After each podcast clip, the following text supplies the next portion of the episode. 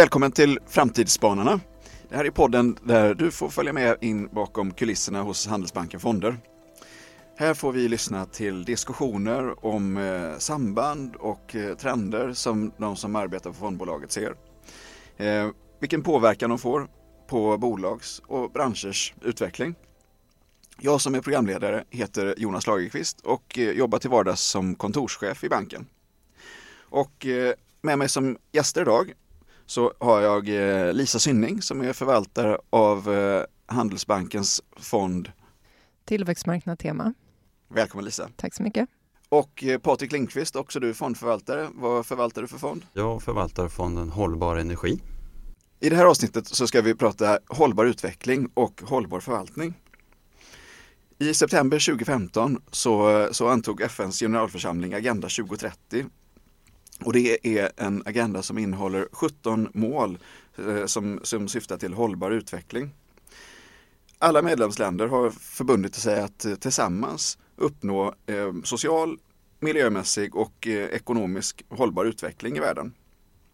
Och eh, agendan innehåller även en plan för hur de här 17 målen ska finansieras och eh, där framhålls vikten av att det är privata investeringar som kommer vara avgörande för det här. Eh, Lisa, skulle du vilja förklara begreppet impact investing? Eh, absolut. Impact investing är ett begrepp som har växt fram mer och mer och det handlar ju väldigt mycket om just det här med privata investeringar och att genom att vi investerar i verksamheter som bidrar till de här målen så hjälper vi också till att målen eh, uppnå. Så att alltså en eh, investering i till exempel ett aktiebolag, ett noterat bolag på en börs eh, faktiskt blir, bidrar positivt till hållbar utveckling. Då. Traditionellt sett så har man ju pratat mer om att man ska undvika risker eh, när man pratar om hållbarhet, men här vänder man lite grann på, på det hela och pratar om hur vi faktiskt bidrar positivt. Och ett sätt som man kan säga, om man tittar lite grann eh, praktiskt hur man jobbar med det där, om man tar min fond och hållbar energi, är ju i grund och botten handlar bara om det. Det vill säga att eh, det står till och med i fondbestämmelser. Alltså, jag ska jobba med bolag som är en del av lösningen. Alla bolagen ska förbättra eller minska klimatpåverkan. Så att eh, det blir en, eh, för min del i hållbar energi så är det en väldigt, väldigt naturlig del utav jobbet som man gör. Och det blir då för min del en väldigt naturlig inriktning mot mål nummer 7 och nummer 13 som ju på något sätt är mål som måste lösas i någon dimension. Då. Kan du, kan du förklara närmare vad mål nummer 7 och nummer 13 innebär?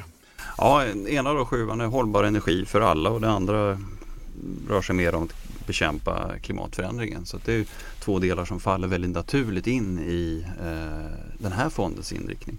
Alltså tittar man på tillväxtmarknader så blir det också ett väldigt naturligt överlapp mot Agenda 2030 och i många av målen, inte bara 7 och 13 utan generellt i den här formuleringen i Agenda 2030 så, så riktar sig ju mycket mot just utveckling i tillväxtmarknadsländer.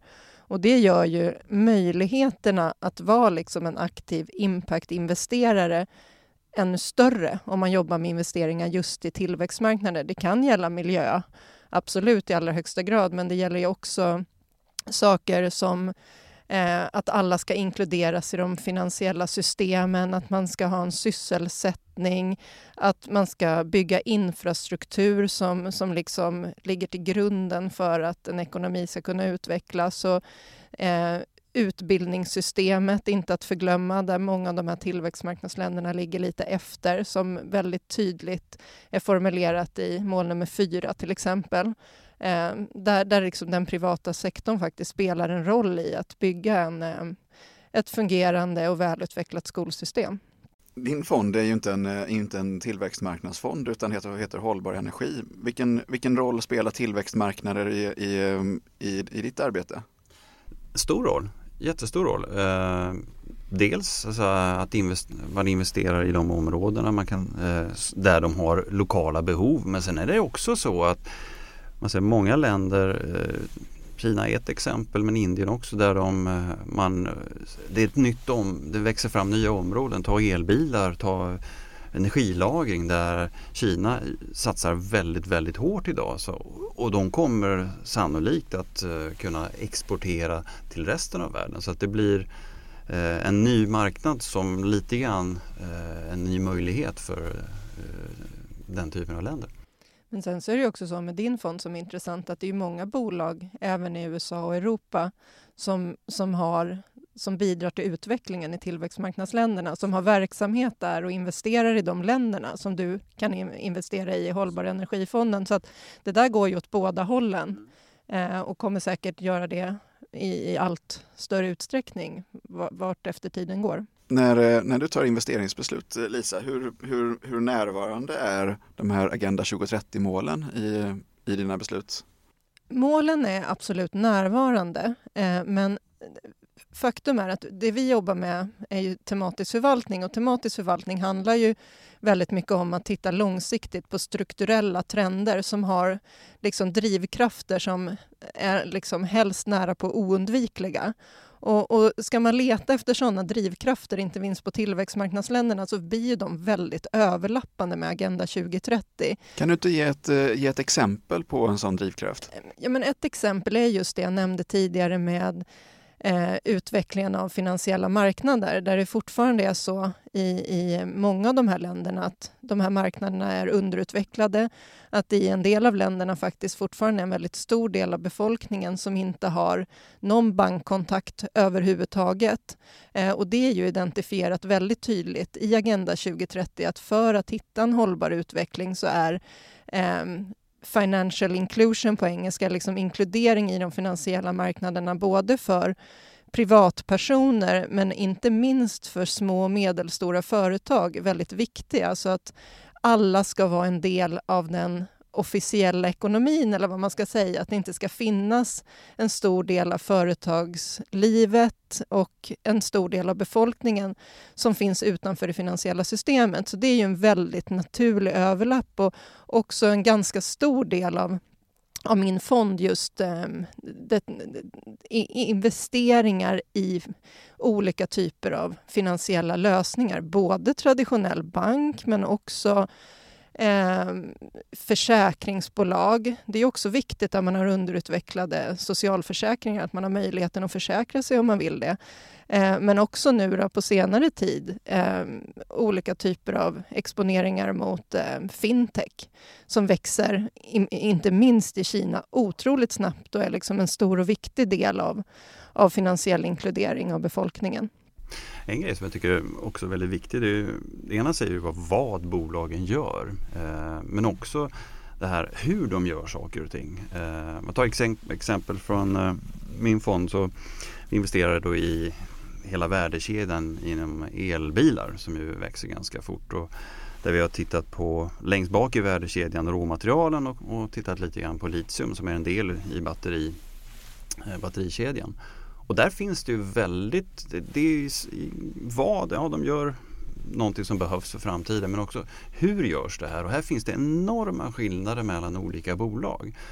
Vi jobbar ju väldigt mycket så att där vi säger att hållbarhetsanalysen och det här målen det måste vara någonting som är integrerat i förvaltningen. Det vill säga man måste kunna förstå skillnaden mellan olika bolag, regioner och till och med saltsjöar om vi tar det på litiumnivån. Så att man åker ner och tittar på Funkar det här? Är det här långsiktigt hållbart? Jobbar de i, mot målen på rätt sätt också? Inte bara vad de gör utan att de gör det på ett bra sätt. Och där tror jag är väldigt tydligt att eh, på det sättet som vi gör det så blir, eh, kom, tar man en dimension längre just på, i hur-dimensionen. Men, och, och, det är väl en sak jag tycker är tydlig med tillväxtmarknader, liksom hur man bedriver verksamhet. Där är ju folk ofta ganska skeptiska när man tittar på tillväxtmarknader och man utgår från att det blir betydligt mindre hållbart så fort man gör en investering i, tillväxt, i en tillväxtmarknad. Och det är klart att problemen är ju liksom absolut större, men det handlar inte om att det är så överallt eller i alla bolag eller alla sektorer. Problemen är eh, väldigt ojämnt fördelad om man säger så. Det finns bolag som absolut har en väldigt ohållbar verksamhet men det finns också bolag som är i allra högsta grad världsledande i tillväxtmarknader när det gäller hållbarhetsarbete och eh, bolagsstyrning och alla de här typerna av frågor. Så att genom att vi faktiskt gör det här och är aktiva förvaltare så gör vi en väldigt stor skillnad. Och, och lägger man sen då på att eh, titta på hur pass mycket positiv impact då man faktiskt får mot de globala målen genom att investera i, i tillväxtmarknader inte minst då, så kan man ju hitta en balans i det där. Att ja, man kanske tar en lite högre hållbarhetsrisk i vissa dimensioner, men man gör också en, en väldigt stor skillnad eh, åt det positiva hållet. Och, har, du, har du några konkreta exempel på det här? Ett bolag som är liksom ganska väl debatterat eh, i, i, på det här området är väl kanske ett av våra största innehav som är Tencent. Det är ett eh, kinesiskt internetbolag och det eh, har inte det bästa hållbarhetsbetyget. Eh, mycket för att det finns en internetcensur i Kina.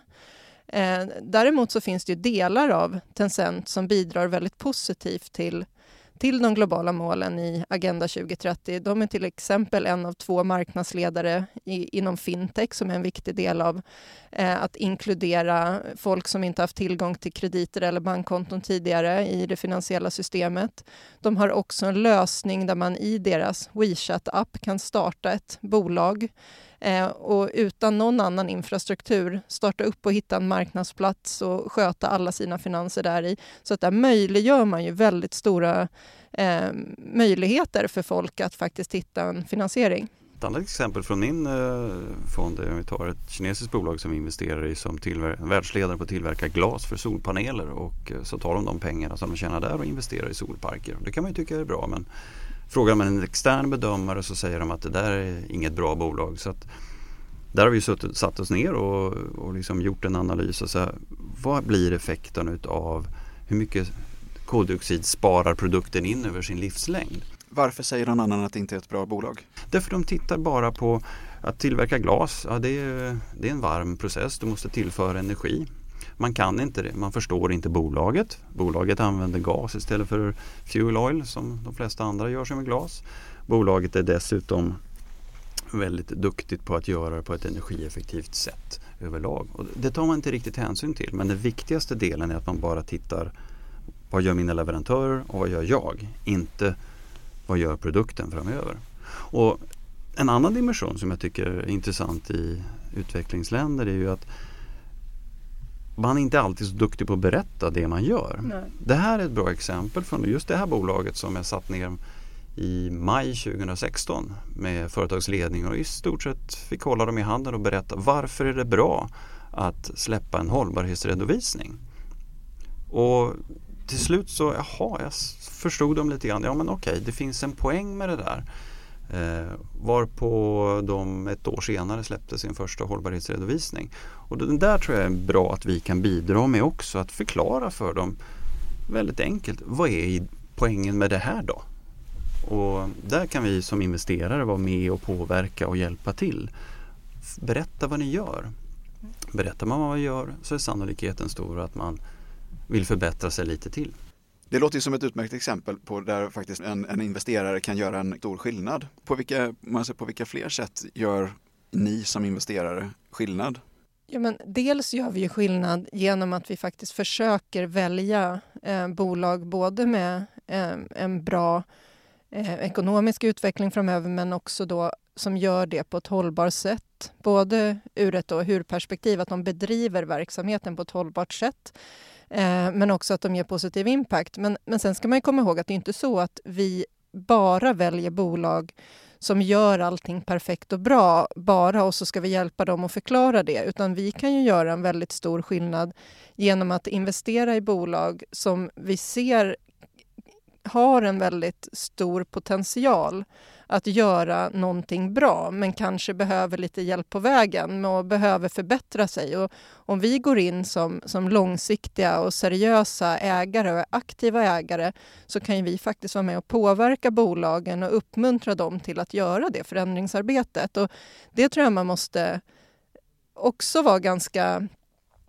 tydlig med att det gör vi ju också. Och, och det, det, är ju i förändringsarbetet som vi verkligen påverkar liksom, världen att bli mer hållbar. Om vi kan hjälpa till att få näringslivet och bolagen att faktiskt agera mer hållbart än vad de har gjort eh, tidigare. Eh, så det, det är två ytterligheter där vi, där vi är med och, och påverkar och gör skillnad skulle jag säga. Och det, ju, det, behövs ju som du inledde med egentligen. Det, det kommer att behövas väldigt mycket investeringar i det här området och där, det är där vi i slutändan bidrar. Eh, bra hållbara bolag som har en bra affärsidé. Det är där vi kan vara med, vilket jag gjorde bara häromdagen i ett bolag som jag tycker utvecklas åt rätt håll och de behöver pengar. Då ska de få det. Så att, jag tycker det känns som en väldigt viktig del och den funkar verkligen i utvecklingsmarknader där du har stark tillväxt och där över tid kommer behövas mer pengar. Lisa, skillnaden mellan en aktiv och en passiv fond när det kommer till, till tillväxtmarknader? Skillnaden är ju väldigt stor. Tittar man på ett liksom brett tillväxtmarknadsindex eller en sån indexfond så äger väl de, om de har alla bolag, 800-900 bolag. I vår fond har vi valt 91 i, i dagsläget. Eh, och framför allt titta, det här med hållbarhet och, och, ekonomisk utveckling hänger ju väldigt mycket ihop och inte minst när vi tittar långsiktigt. Vi har ju till exempel i, i vår förvaltning valt att helt exkludera fossila bränslen. Eh, och det har vi gjort eh, av flera anledningar. Det, det, ena är ju självklart, framtiden är inte fossila bränslen. Eh, och det hänger ju såklart ihop med den miljöpåverkan fossila bränslen har. Men det gör ju också att eh, det, vi tror att den sektorn kommer ha en sämre finansiell utveckling framöver. Och man ska också vara medveten om att Ehm, det är också ganska stora hållbarhetsrisker i den sektorn. Förutom liksom miljöpåverkan, så arbetsrättsfrågor och alla typer av, av risker är ju faktiskt förhöjda inom till exempel den delen av ekonomin. Bara genom att vara aktiv och tänka långsiktigt på investeringar så, så eh, undviker vi väldigt många hållbarhetsrisker som också förr eller senare kommer eh, leda till eh, sämre ekonomisk utveckling. Även om oljepriset kan gå upp som förra året så, så är det ju inte det som den långsiktiga trenden är. Så det där hänger väldigt nära ihop och där gör vi stor skillnad. Det är, det är nästan definitionsmässigt svårt att vara impact investor som indexförvaltare. För där Impact är att välja in eh, index. Du kan välja bort bolag ur ett index för att du inte tycker de är bra men det är inte riktigt samma som att välja in. Och sen kan man också tänka eh, i mitt område så är det ju eh, ur ett riskperspektiv kunna, viktigt att kunna välja bort vissa innehav. Eh, affärsmodellerna här innefattar väldigt stora investeringar initialt och ganska långsansade risker. Då det gäller att man har koll på vem det är som kör det där och att man kan kassaflöden och kan välja bort en del bolag. Eh, det lockar till sig också en del entreprenörer utav varierande seriositetsgrad. Då gäller det att kunna välja bort dem eh, och välja in det som eh, man tror på. Index handlar ju väldigt mycket om vilka bolag som har växt och blivit stora historiskt. Vi investerar ju i det som ska växa och bli stort i framtiden. Och faktum är ju att eh, det är ju hållbara affärsmodeller som kommer växa och bli stora i framtiden. Så då är det det vi måste investera i och inte det som har varit stort historiskt. När vi, när vi pratade tidigare så lyfte du fram eh, bristen på kunskap om hållbar utveckling som en fara i samhället. Kan du utveckla det? Ja, alltså jag ser ju väldigt tydligt, eh, jag jobbar med en global fond, jag ser väldigt stora skillnader i förståelse hos eh, olika investerargrupper eh, i olika regioner. Här i Norden ligger vi, skulle jag vilja säga, ganska långt fram jämfört med en del andra marknader. De har börjat vakna. Men det här är rätt intressant ur ett rent investeringsperspektiv att om man förstår vad som är intressant i ett tidigt skede Eh, när resten av världen kommer efter så kan det vara ganska bra. Vi ser ju hur flödena till min typ av produkter accelererar med en väldigt, väldig kraft. Och då är det ganska intressant att kunna vara med tidigt. Och vi har faktiskt ett litet eh, försteg skulle jag vilja påstå här i Norden jämfört med många andra regioner. Så är det och Men jag skulle säga att skillnaderna var ännu större bara för ett par år sedan. Um, när vi var runt och träffade bolag i många av tillväxtmarknadsländerna bara för två, tre år sedan så var det ju bara vi som ställde frågor om det här och bolagen visste inte jättemycket hur de skulle svara på många av frågorna, även om de gjorde ett gott arbete. Nu märker man ju att det händer väldigt mycket i hela världen, även om vi fortfarande ligger absolut steget före. Det är till exempel i, eh, på Hongkongbörsen där många kinesiska bolag investerade så kräver man ju nu att man har en hållbarhetsredovisning för att få vara listad där och även i Sydafrika och eh, medvetenheten ökar runt om i hela världen. Eh, men faktum är att absolut så är det vi tillsammans med kanske holländarna som driver på den här utvecklingen allra snabbast. Hur ser ni på man säger, ökningen av, eh, av efterfrågan på hållbara investeringar? Den är stor. Alltså, framför allt från eh, investerare i, i, i vår region som Patrik nämnde. Jag får ju väldigt mycket frågor kring hållbarhetsarbetet och väldigt eh, detaljerade och, och, kunniga frågor om hur vi jobbar med, med hållbarhet inom tillväxtmarknadsfonden, inte minst från svenska och nordiska institutioner. Så där är ju efterfrågan enorm och kommer ju snarare öka än minska skulle jag vilja säga. Det kommer nog vara ganska svårt att eh, växa en eh, aktiv aktieförvaltning utan att göra det på ett hållbart sätt om man vill nå eh, den typen av kunder i framtiden, det tror jag. Jag kan lägga lite siffror på det där. Eh, mitt, eh, här, mitt segment växte eh, 2013 till 2015 växte tillgångarna totalt sett i Europa med ungefär 12 procent per år. Det accelererade till 16 procent under 2016 och om man tittar i min grupp eh, under 2017 så växte tillgångarna ungefär 30, eller drygt 30 procent exklusive då så utveckling på börsen utan rena flöden. Så vi ser en väldigt tydlig acceleration. Eh, spaningar framåt, vad ser du? Det största temat i vår fond idag och som troligtvis kommer vara det ett tag framöver är digitalisering.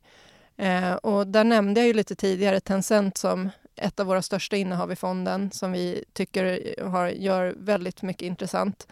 Eh, men digitalisering är ju väldigt mycket större än så. Eh, till exempel så har vi en investering i Bharti Infratel i Indien som bygger mobiltorn. Och där ser vi just nu en explosionsartad utveckling i mobildata då, när man för första gången eh, faktiskt bygger ut 4G-nätverk i Indien. Någonting som, som driver på investeringar just inom torn då, men också hjälper alla andra bolag att utveckla sina verksamheter i Indien. Eh, och om man funderar vidare på det här med digitalisering så det har ju i sig också, om man tänker två, tre steg framåt, en positiv impact på miljömålen. För det är väldigt viktigt för att utveckla smarta städer eh, och, och, så vidare. Så att eh, allt det där hänger ihop och kommer driva på under lång tid framöver. Det är jag fullkomligt övertygad om. Tack Lisa Sinning och eh, Patrik Lindqvist för att ni ville vara med mig här idag. Tack så mycket. Kul att vara här. Tack.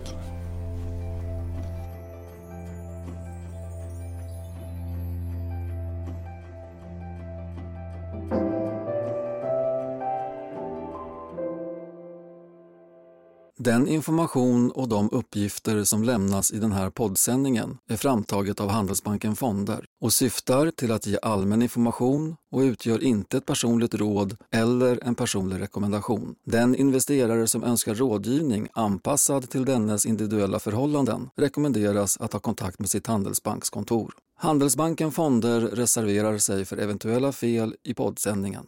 Historisk avkastning är ingen garanti för framtida avkastning. De pengar som placeras i fonder kan både öka och minska i värde och det är inte säkert att du får tillbaka hela det insatta beloppet. Fullständiga informationsbroschyrer med fondbestämmelser, faktablad och aktuell kursutveckling återfinns på fondbolagets webbsida www.handelsbanken.se fonder.